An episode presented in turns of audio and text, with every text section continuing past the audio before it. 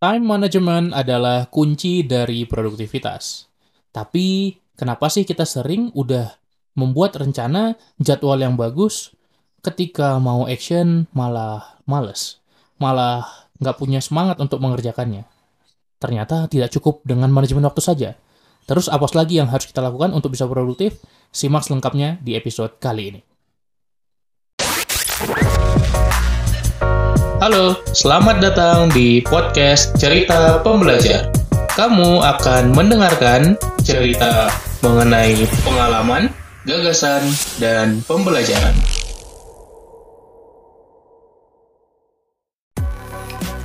Cerita Pembelajar Season 9 Productivity Hacks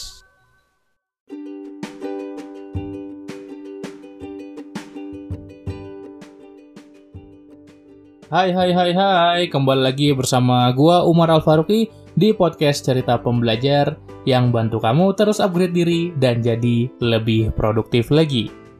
Kali ini kita akan bahas satu komponen di produktivitas, yaitu efisiensi. Kita tahu produktif itu harus efisien. Arti dari efisien adalah output per input. Gue akan kasih case sederhana. Ketika kita mengambil time management sebagai prinsip produktivitas, dan kita melakukan suatu tugas-tugas. Sebagai contoh, kita ingin membuat laporan untuk perusahaan kita.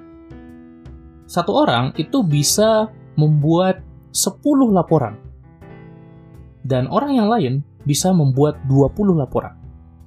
Tentu sekilas output si A yang 10 laporan lebih sedikit daripada output si B yang 20 laporan. Tapi kalau kita tanya, berapa waktu yang lo butuhkan untuk membuat 10 laporan ini? Mungkin si A akan jawab 2 jam.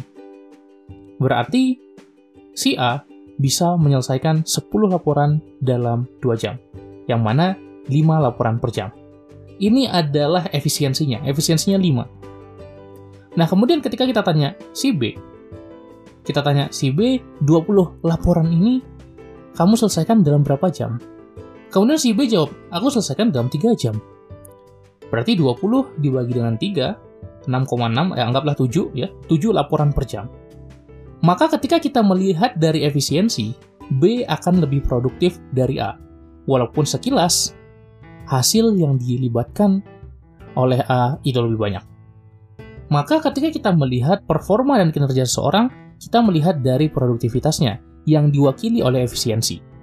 Ya, asalkan tetap efektif ya, tujuannya tercapai. Maka bagaimana cara kita bisa lebih efisien? Kita harus bisa memberikan output yang lebih banyak dengan input yang lebih sedikit. Dalam case ini, inputnya adalah waktu.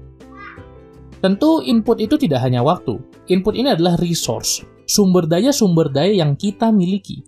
Bisa itu waktu, bisa itu tenaga, bisa itu uang, bisa itu barang, apa pun yang kita miliki.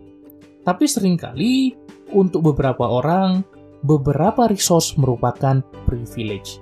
Misalnya uang, misalnya network atau jaringan kita. Maka terlepas dari privilege yang setiap orang pasti miliki, ada tiga resource utama yang ada dalam diri kita. Itulah yang akan kita bahas pada episode kali ini. Dan tiga resource ini akan menjadi senjata utama kita, akan menjadi jurus untuk kita bisa mengatur diri. Ya, mengatur diri artinya berarti self-control ya, atau self-mastery.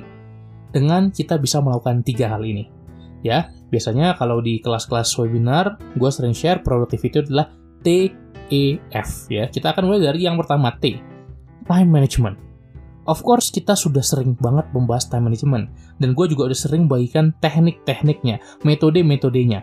Ya, silahkan lihat podcast-podcast gue yang lain atau konten-konten gue di Instagram. T. Time management. Ini adalah prinsip yang utama. Karena kalau kita tidak bisa mengatur waktu kita, kita akan berantakan. Jadwal kita akan bingung. Kita nggak punya clarity kita harus ngapain. So, mengelola waktu adalah kunci di sini udah no debat ya, kita udah sepakat lah di sini. Tapi, seperti premis yang gue sampaikan di awal, Bang, gue udah manage waktu, tapi nggak bisa terlaksana dengan baik. Nah, ini karena lo stop sampai di yang pertama saja, time management saja. Padahal, ketika kita mau produktif, nggak cukup hanya time management, tapi kita juga perlu energy management. Masuk ke yang kedua, E adalah energi. Kenapa gitu? Karena mungkin kita sudah dengan lihainya mengelola jadwal kita. Dengan handalnya membuat jadwal jam 7 sampai jam sekian ngapain, jam 9 sampai jam 10 ngapain, dan seterusnya sampai sore. Kita lakukan kegiatan-kegiatan kita, aktivitas-aktivitas kita. Tapi ketika sore hari datang, misalnya sudah jam 6 sore, kita mau mengerjakan aktivitas selanjutnya, kita udah capek. Kita udah males, kita udah lelah, kita sudah letih. Sehingga meskipun waktunya ada, belum tentu kita melakukannya. Ini gue ulangi, meskipun waktunya ada, tersedia, terjadwal, kita nggak melakukannya. Kenapa? Karena kita tidak mengelola energi kita. Banyak orang yang mengira energi itu hanya energi fisik. Yang solusi energi fisik apa? Ya istirahat, olahraga, dan makan makanan yang bernutrisi. Of course, energi fisik itu penting, tapi itu hanya satu bagian dari empat tipe energi. Ada energi physical, intelektual, emosional, dan spiritual ya, atau mental atau motivasional. Jadi kita punya empat tipe energi yang sering gue sebut sebagai 4R juga ya. Apa aja 4R ini? Raga atau our body, kemudian rasio atau our mind, kemudian ada rasa atau our heart, dan religi atau our soul. Maka ketika kita sedang capek, sedang lelah, kita tanyakan dulu ke diri kita. Kita capeknya nih capek apa? Apakah kita capek fisik? Atau kita capek mikir? Atau kita capek hati? Atau kita capek mental? Kenapa? Karena kalau kita capeknya berbeda dengan obat yang kita berikan ke diri kita, kita nggak menyelesaikan apa-apa.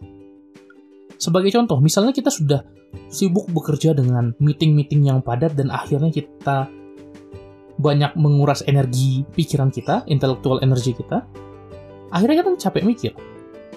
Mungkin kita nggak terlalu capek fisik, tapi kita langsung, ya udah, gue tidur aja. Mungkin bukan itu solusinya. Mungkin kita perlu refresh otak kita. Mungkin kita perlu charge lagi energi berpikir kita. Nah, di sini adalah kuncinya self-awareness bagaimana kita bisa menyadari, kita bisa sadar dan memahami level energi kita itu seperti apa. Kita butuh charge-nya dengan apa. Kira-kira obat yang ampuh buat energi kita itu apa. Tentu time management penting, tapi harus digabungkan juga dengan energy management. Kemudian yang ketiga, yang tak kalah penting lainnya adalah bagaimana kita mengelola fokus dan perhatian kita. Fokus and attention ya, jadi F itu fokus. Ya, T E F time, energy, fokus. Oke, kita sudah punya waktunya. Kita juga punya energi untuk melakukannya. Ketika kita sudah duduk di depan laptop dan mulai membuka berkas-berkas pekerjaan kita, file-file kita, kita terdistraksi dengan hal-hal yang lain. Baik secara internal ataupun eksternal. Terdistraksi dengan pingin buka handphone, dengan notifikasi sosial media, dan akhirnya pekerjaan kita terbengkalai maka tak kalah penting buat kita mengelola fokus supaya tidak terdistraksi. Banyak sekali cara-cara yang bisa kita lakukan. Ya, kalau di ebook Rahasia Jago Motor Waktu, gue udah bahas lengkap tentang bagaimana cara kita menggunakan distraction list, bagaimana kita menggunakan Pomodoro, dan teknik-teknik lainnya. Ya, mungkin nanti kalau mau kita akan bahas lebih lengkap di episode-episode yang lain. Tapi sekarang ini lo udah paham, kalau lo bermasalah di produktivitas lo, di efisiensi lo sekarang, coba gali lagi masalahnya di mana. Apakah memang benar di mengelola waktunya? Atau mungkin yang masalah adalah mengelola energi? Atau justru mengelola fokus? Ketika kita tidak bisa mengelola waktu dengan baik, maka kita akan berantakan. Kalau kita tidak bisa mengelola energi dengan baik, kita akan kelelahan. Dan kalau kita tidak bisa mengelola fokus dengan baik, kita akan mudah terdistraksi. Jadi ketiganya harus kita bisa kelola dengan baik, supaya akhirnya kita bisa produktif. Jadi, kira-kira mana yang sedang harus lo pelajari? Waktu, energi, atau fokus? Time management, energy management, atau fokus management? Semoga ini bisa jadi episode refleksi juga buat lo.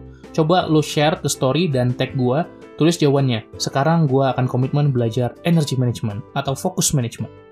Supaya gue bisa tahu dan bisa jadi masukan juga buat gue kalau episode ini memang benar-benar bermanfaat. So itu aja buat episode kali ini. Terima kasih banyak buat lo yang sudah mendengarkan. Kita akan jumpa lagi di episode-episode berikutnya. Salam pembelajar.